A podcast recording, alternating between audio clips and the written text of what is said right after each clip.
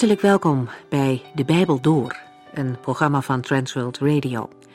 De Bijbel Door is een radioserie die u in vijf jaar meeneemt door de hele Bijbel. Van Genesis 1 tot Openbaring 22.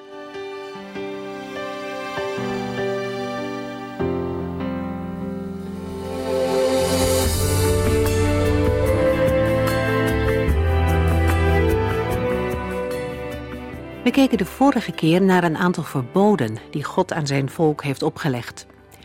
Het is nodig om te weten wat God niet wil wanneer je wilt leven in verbondenheid met Hem. God is daar duidelijk in. Hij geeft in de laatste versen van Deuteronomium 16 en 17 drie verboden. De Israëlieten mochten geen gewijde palen plaatsen naast het altaar voor de Here. Het gaat dan om cultusvoorwerpen van afgoden. En daarnaast mocht er geen gewijde steen opgericht worden. Het is niet mogelijk om de Heere maar een beetje te dienen en dat te combineren met dienen van andere goden. We zagen dat verder uitgewerkt in de ernstige waarschuwingen voor het occultisme in hoofdstuk 18. Het derde verbod gold de offers die mensen aan de Heere brachten. Dat mochten geen gebrekkige dieren zijn. Wie dat doet, zegt daarmee eigenlijk dat de offers voor God niet zo belangrijk zijn. Hij houdt het beste voor zichzelf en de Heere moet het doen met wat overblijft. Als we echt van de Heere houden, dan is het vanzelfsprekend dat we Hem ook het beste willen geven. De rechters in Israël hadden als taak om ook over deze godsdienstige zaken te waken. In Israël was het maatschappelijke leven en het godsdienstige leven nauw met elkaar verweven. Verder vinden we hier in Deuteronomium al richtlijnen voor het koningschap. Het was niet Gods plan om een koning in Israël aan te stellen. Hij zelf was immers koning over hen, maar hij wist al wat er zou gaan komen en hij neemt in de boeken van Mozes vaste voorschriften op. Een koning volgens Gods voorschriften zou een andere levensstijl hebben dan wat gangbaar was bij de volken om Israël heen. Anders, maar als je het leest ook zeker veel heilzamer, zowel voor de koning zelf als voor het volk. Deuteronomium hoofdstuk 18 vanaf vers 15.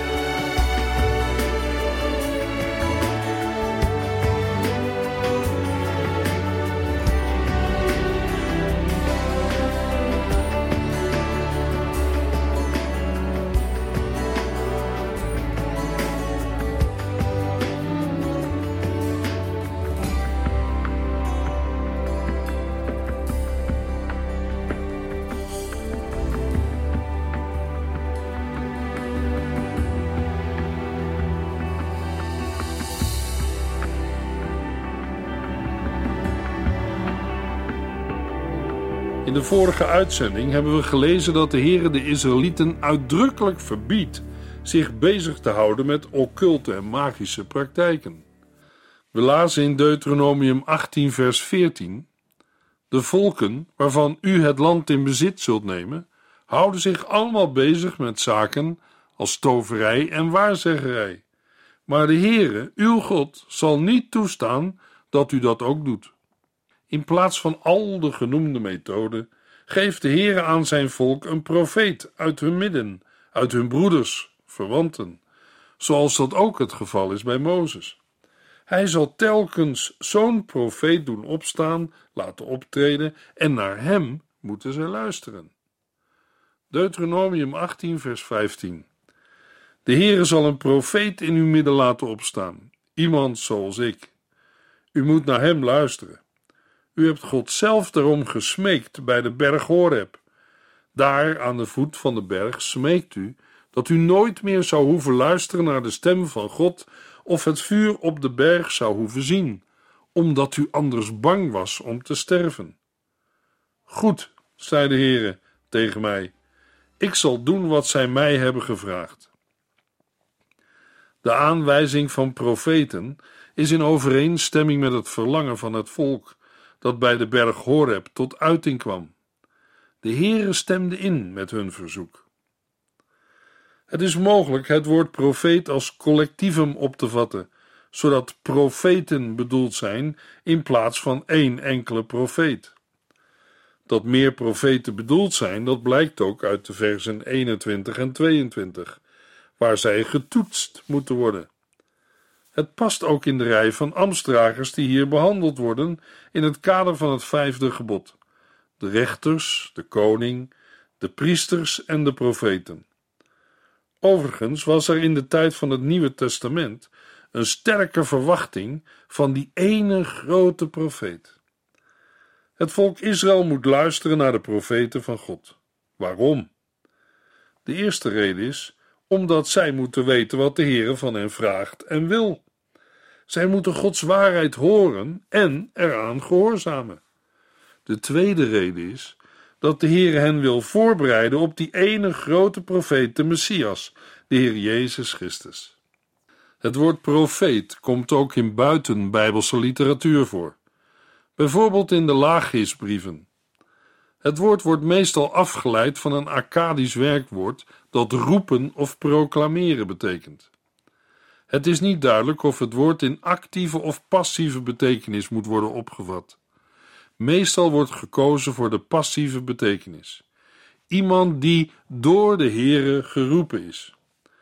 De aanduiding ziener is ook mogelijk.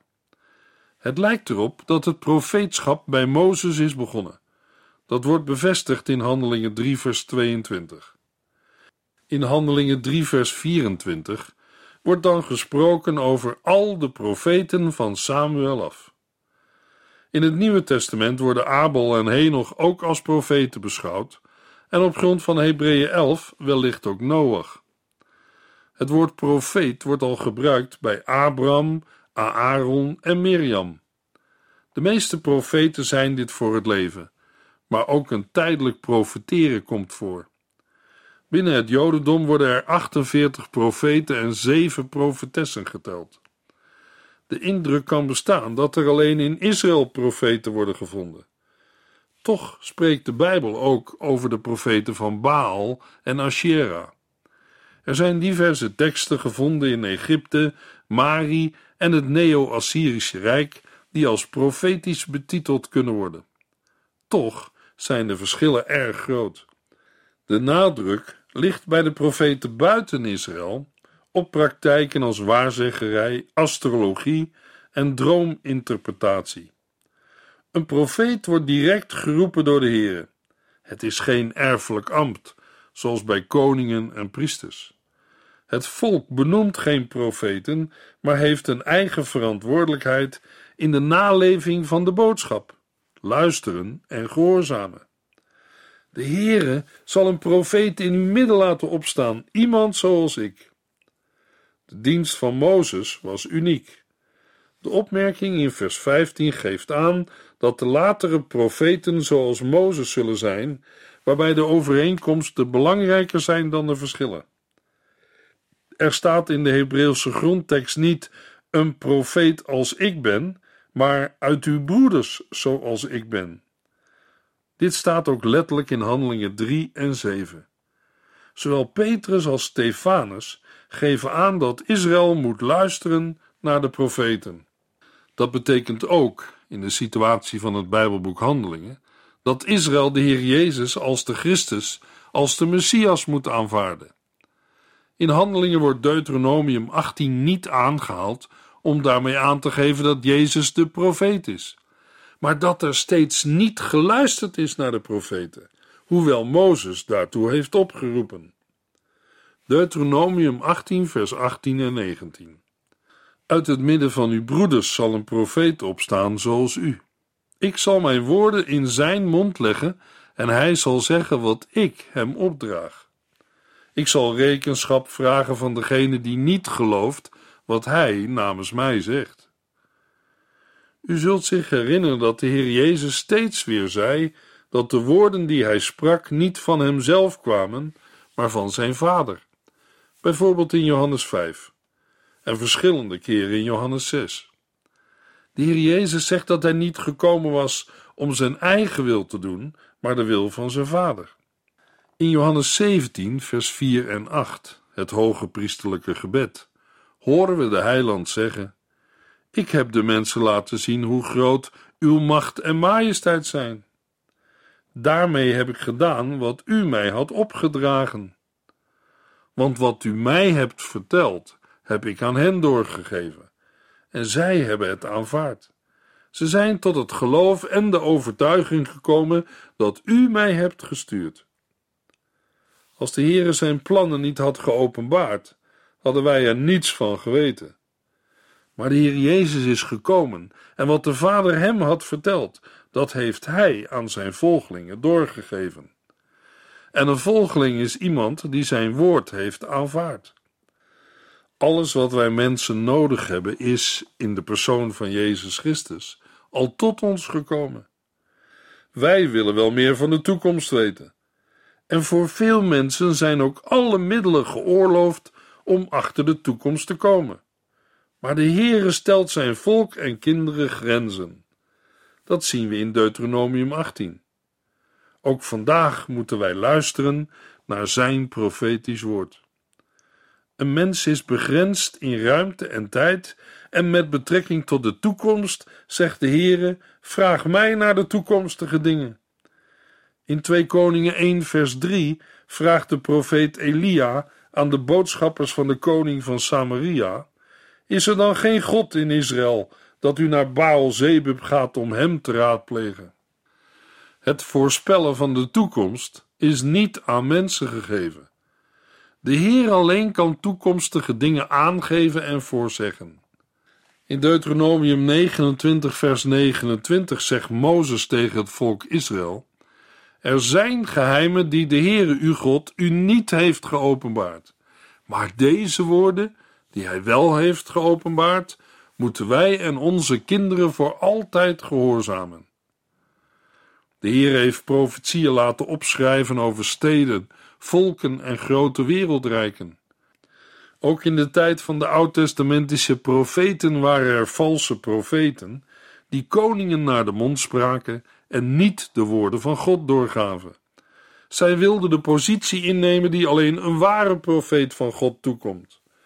Maar hoe konden de Israëlieten zich beschermen tegen valse profeten? De Heere geeft Israël een maatstaf waarmee zij kunnen ontdekken of zij te doen hadden met een ware of met een valse profeet. In Jeremia 14, vers 14 zegt de Heere tegen de profeet Jeremia: De profeten vertellen in mijn naam leugens. Ik heb ze niet gestuurd en ook geen opdracht gegeven te spreken of ze een boodschap toevertrouwd. Zij profeteren van visioenen en openbaringen die zij nooit hebben gezien of gehoord. Zij spreken wartaal uit die uit hun eigen leugenachtige harten voortkomt. Vandaag weten we dat een groot deel van de profetieën van Jeremia zijn vervuld. Maar hoe konden de mensen van zijn tijd weten dat het woorden van God waren? De Heer heeft Israël een maatstaf gegeven. Deuteronomium 18, vers 18 tot en met 22. Uit het midden van uw broeders zal een profeet opstaan zoals u. Ik zal mijn woorden in zijn mond leggen, en hij zal zeggen wat ik hem opdraag. Ik zal rekenschap vragen van degene die niet gelooft wat hij namens mij zegt. Maar iedere profeet die zegt dat hij namens mij spreekt, maar dat niet doet, of die zegt een boodschap van andere goden te brengen, moet sterven. Als u zich afvraagt, hoe kunnen wij erachter komen of die boodschap nu wel of niet van de Heer afkomstig is, is dit het antwoord. Als zijn profetie niet uitkomt, heeft de Heer hem zijn boodschap niet gegeven. Hij heeft hem zelf verzonnen. Van zo iemand hoeft u zich niets aan te trekken. De situatie dat een profeet in de naam van andere goden spreekt, is duidelijk genoeg. Maar de andere situatie is moeilijker te onderkennen. Daarom lezen we: Als u zich afvraagt, hoe kunnen wij erachter komen of die boodschap nu wel of niet van de Heer afkomstig is? Het antwoord is duidelijk. Als zijn profetie niet uitkomt, heeft de Heer hem zijn boodschap niet gegeven. Daarmee is geen alomvattend criterium gegeven, maar alleen een aanwijzing die gehanteerd kan worden in het kader van voorzegging van de toekomst, zoals voor de hand ligt in een context waarin over waarzeggerij wordt gesproken. Als toets is dit alleen achteraf te hanteren. Het is een zegen van de levende God dat de Heere profeten aan zijn volk geeft. Daarom is het een straf als profetie niet of nauwelijks aanwezig is.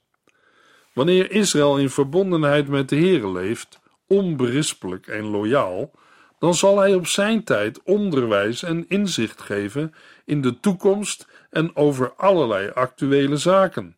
Maar het volk mag geen eigenmachtige methode hanteren, waarzeggerij, magie en de sterren, om de toekomst te weten te komen of te beïnvloeden. In het Nieuwe Testament komen ook profeten en profetessen voor, ook na de komst van Jezus Christus. Over Christus wordt gezegd: In het verleden heeft God op vele manieren door de profeten tot onze voorouders gesproken. Maar nu, in onze tijd, heeft Hij tot ons gesproken door Zijn Zoon. Hebreeën 1, vers 1. Het belang van dit gedeelte voor de christelijke gemeente wordt verschillend beoordeeld, maar in toenemende mate komt er steeds meer zicht op hoe we moeten omgaan met zowel occultisme als profetie. De waarschuwing tegen occulte praktijken wordt in het Nieuwe Testament verscherpt doordat er meer zicht komt op de geestelijke achtergrond, het werk van Satan en de demonen. Als zijn profetie niet uitkomt, heeft de Heer hem zijn boodschap niet gegeven. Hij heeft hem zelf verzonnen. Graag werk ik dit uit met een concreet voorbeeld. Jezaja is een profeet van God. Een ware profeet. Hoe ik dat weet? Hij profeteerde dat de maagd zwanger zou worden en de door God beloofde mensenzoon ter wereld zou brengen. Jezaja profeteerde dat de Heer Jezus zou komen. Hij zou worden geboren, zou op aarde leven en sterven. Veronderstel dat iemand Jezaja zou hebben gevraagd wanneer het zou gebeuren. Hij zou hebben geantwoord dat hij dat niet wist en dat het wel nog wel honderden jaren zou kunnen duren. Het duurde zelfs 700 jaar. Hoe zouden de mensen op zijn antwoord hebben gereageerd? Ik denk dat de mensen hem zouden uitlachen en zeggen dat ze nooit zouden weten of hij de waarheid had gesproken of loog. De maatstaf voor een profeet was dat hij een voorzegging moest geven over een plaatselijke situatie die echt zou gaan gebeuren en ook uitkomt zoals de profeet had voorzegd. Daarbij is het mogelijk dat een profeet eerst in kleinere zaken gelijk krijgt en zo een reputatie krijgt als profeet van God. Het voorbeeld van Samuel in 1 Samuel 3. Andere aanwijzingen vinden we in de Bijbelboeken Jeremia en Ezekiel. Daar zijn levensstijl, karakter, adviezen aan kwaaddoeners en de boodschap vrede en geen gevaar ook kenmerken van de ware of valse profeet. Een ander voorbeeld vinden we in Jeremia 28. Daarvoor zegt de valse profeet Ganania dat er binnen twee jaar vrede zal zijn. Vers 3 en 11. Maar Jeremia bestrijdt hem en geeft aan dat in de toekomst zal blijken wie gelijk heeft. Vers 9. Daarna kondigt hij aan dat Ganania binnen een jaar zal sterven. Vers 16 en 17. Toen Ganania binnen een jaar stierf, wisten de mensen dat Jeremia een ware profeet was en Ganania niet. De vrede die hij aankondigde was geen boodschap van God. Ook Jesaja 37 is er op dezelfde wijze een voorbeeld van.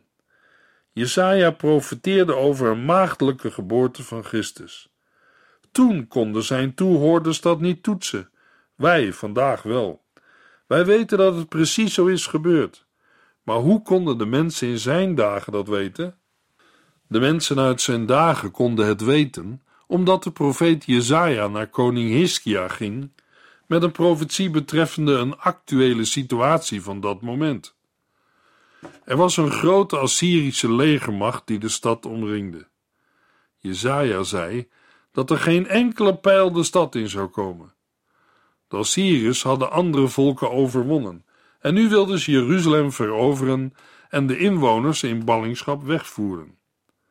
Jezaja zegt namens de Heer in Jezaja 37, vers 33 en 34, wat de koning van Assur betreft, zijn legers zullen Jeruzalem niet binnenkomen, Ze zullen er geen pijlen op afschieten, niet buiten de poorten marcheren en geen wal tegen de muren opwerpen. Hij zal naar zijn eigen land terugkeren, via de weg waarlangs hij kwam, en hij zal geen stap binnen deze stad zetten, zegt de Heere. Alle soldaten van het Assyrische leger hadden pijlen en bogen. U zou kunnen denken dat één van hen een pijl over de muur had kunnen schieten. Volgens vers 36 waren er zeker meer dan 185.000 soldaten. Maar als er maar één pijl de stad was binnengekomen, zou Jeremia geen ware profeet zijn geweest. Zijn voorzeggingen werden door de gebeurtenissen bevestigd. Koning Sanherib van Assur keerde naar zijn eigen land terug en er werd geen pijl afgeschoten. Een ware profeet moest voor 100% een juiste profetie hebben gegeven. In het Nieuwe Testament lezen we in 2 Petrus 2 vers 1 Maar zoals er vroeger mensen waren die niet echt namens God spraken, zo zullen er ook onder u mensen komen die dingen leren die niet waar zijn. Op een heel slimme manier vertellen zij leugens over God. Zij willen zelfs niet meer weten van hun meester die hen heeft vrijgekocht, maar daardoor hollen zij hun ondergang tegemoet. Luisteraar, het is bijzonder belangrijk om de prediking te toetsen aan het woord van God. Ook vandaag moeten we oppassen voor valse leraren en predikers. Deuteronomium 19, vers 1. Wanneer de Heere, uw God, de volken heeft vernietigd van wie u het land zult innemen, en u in uw steden en huizen woont, moet u drie steden aanwijzen als vrijsteden. Met Deuteronomium 19 begint een nieuw gedeelte waarin het gaat over doodslag, moord, oorlog en bloedschuld. Het zijn onderwerpen die te maken hebben met het zesde gebod. In nummer 35 lazen we dat de Levieten drie vrijsteden aan de oostzijde en drie vrijsteden aan de westzijde van de Jordaan moeten aanwijzen. Alle zesde steden zijn eigendom van de Levieten geworden. De eerste drie steden zijn al aangewezen in Deuteronomium 4 en nu komen er nog drie bij. De opdracht om vrijsteden aan te wijzen, de eigendommen te beschermen en het geven van Torah, de wet, laat de zorg en betrokkenheid van de Heere zien met individuele personen. Mozes zei namens de Heere tot het volk, Deuteronomium 19, vers 2 tot en met 4. U moet drie steden aanwijzen als vrijsteden. Zo kan iemand die onopzettelijk een ander heeft gedood zichzelf in veiligheid brengen. Verdeel het land in drie gebieden met in elk gebied één vrijstad. Zorg ervoor dat de wegen naar die steden in goede staat verkeren. Ik noem u een voorbeeld van iemand die zijn naaste per ongeluk doodt, dus zonder hem te haten, en die dan naar een van deze steden kan vluchten. Een man die onopzettelijk iemand had gedood, kon naar zo'n vrijstad vluchten. Daar kon hij zich beschermen tegen een volksoploop of tegen een familielid die wraak wilde nemen, totdat er een eerlijke rechtszaak kon worden gehouden.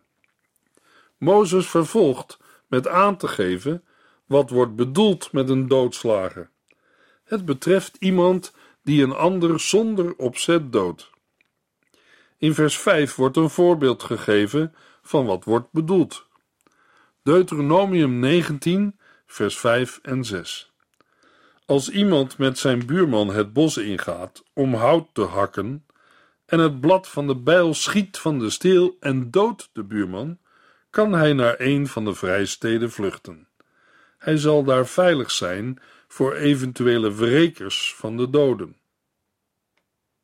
De bloedwraak zelf wordt hier niet afgeschaft, omdat in het oude Israël vergoten bloed gewroken moet worden. Vers 12 en 13. De bloedwraak kan gemakkelijk onschuldige slachtoffers maken, en daarom worden er vrijsteden ingesteld. Het is een maatregel om de bloedwraak aan banden te leggen. Daarnaast bestaat de regel dat mensen de horens van een altaar kunnen grijpen en dat het heiligdom geldt als een plaats van asiel. Deuteronomium 19, vers 11 en 12. Maar Als iemand zijn naaste haat en hem vanuit een hinderlaag bespringt en vermoordt, en daarna naar een van de vrijsteden vlucht, dan zullen de leiders van zijn woonplaats hem daar laten ophalen en hem overleveren aan de wreker van de doden, zodat die hem kan doden. Een moordenaar mag geen aanspraak maken op het recht naar een vrijstad te vluchten. Hij wordt opgehaald en overgeleverd aan de bloedwreker voor executie. De bloedwreker zelf mag de vrijstad niet binnen, en daarom is de tussenkomst van de leiders van zijn woonplaats nodig. Deuteronomium 19, vers 14. Als u aankomt in het land dat de Heer uw God u geeft, steel dan geen land van uw buurman, door stiekem de grenspalen te verplaatsen, die zijn voorouders volgens hun rechtmatig erfdeel hebben geplaatst. De Heere laat de grenzen van het land vaststellen en als erfdeel verdelen onder de stammen van Israël. Zo krijgt iedere familie haar erfdeel. De vastgestelde grenzen van een erfdeel moeten worden beschermd en mogen niet stiekem worden veranderd. Deuteronomium 19, vers 15. Veroordeel niemand op grond van de uitspraak van slechts één getuige. Er moeten minstens twee of drie getuigen zijn. Het aantal getuigen is bedoeld als bescherming van de aangeklaagde. Toch is de regel niet waterdicht. Denk aan 1 Koningen 21, de geschiedenis van Nabot. Daarom gaat het vervolg, vers 16 tot en met 20, over de betrouwbaarheid van de getuigen. Bij een leugen van de aanklager moet hij dezelfde straf ondergaan als die hij de beklaagde toewenste. Zo zullen anderen zich hoeden voor een vals getuigenis. Deuteronomium 19, vers 21. U mag geen medelijden hebben met een valse getuige. Hierbij geldt leven om leven, oog om oog, tand om tand, hand om hand en voet om voet. De wet kent geen medelijden, de Heere wel. Er is in Christus een pardon voor de zondaar. We zijn allemaal schuldig, maar Christus heeft voor ons mensen aan de eis van Gods wet voldaan. Wat is Gods genade groot? De volgende keer lezen we Deuteronomium 20. Instructies voor het leger.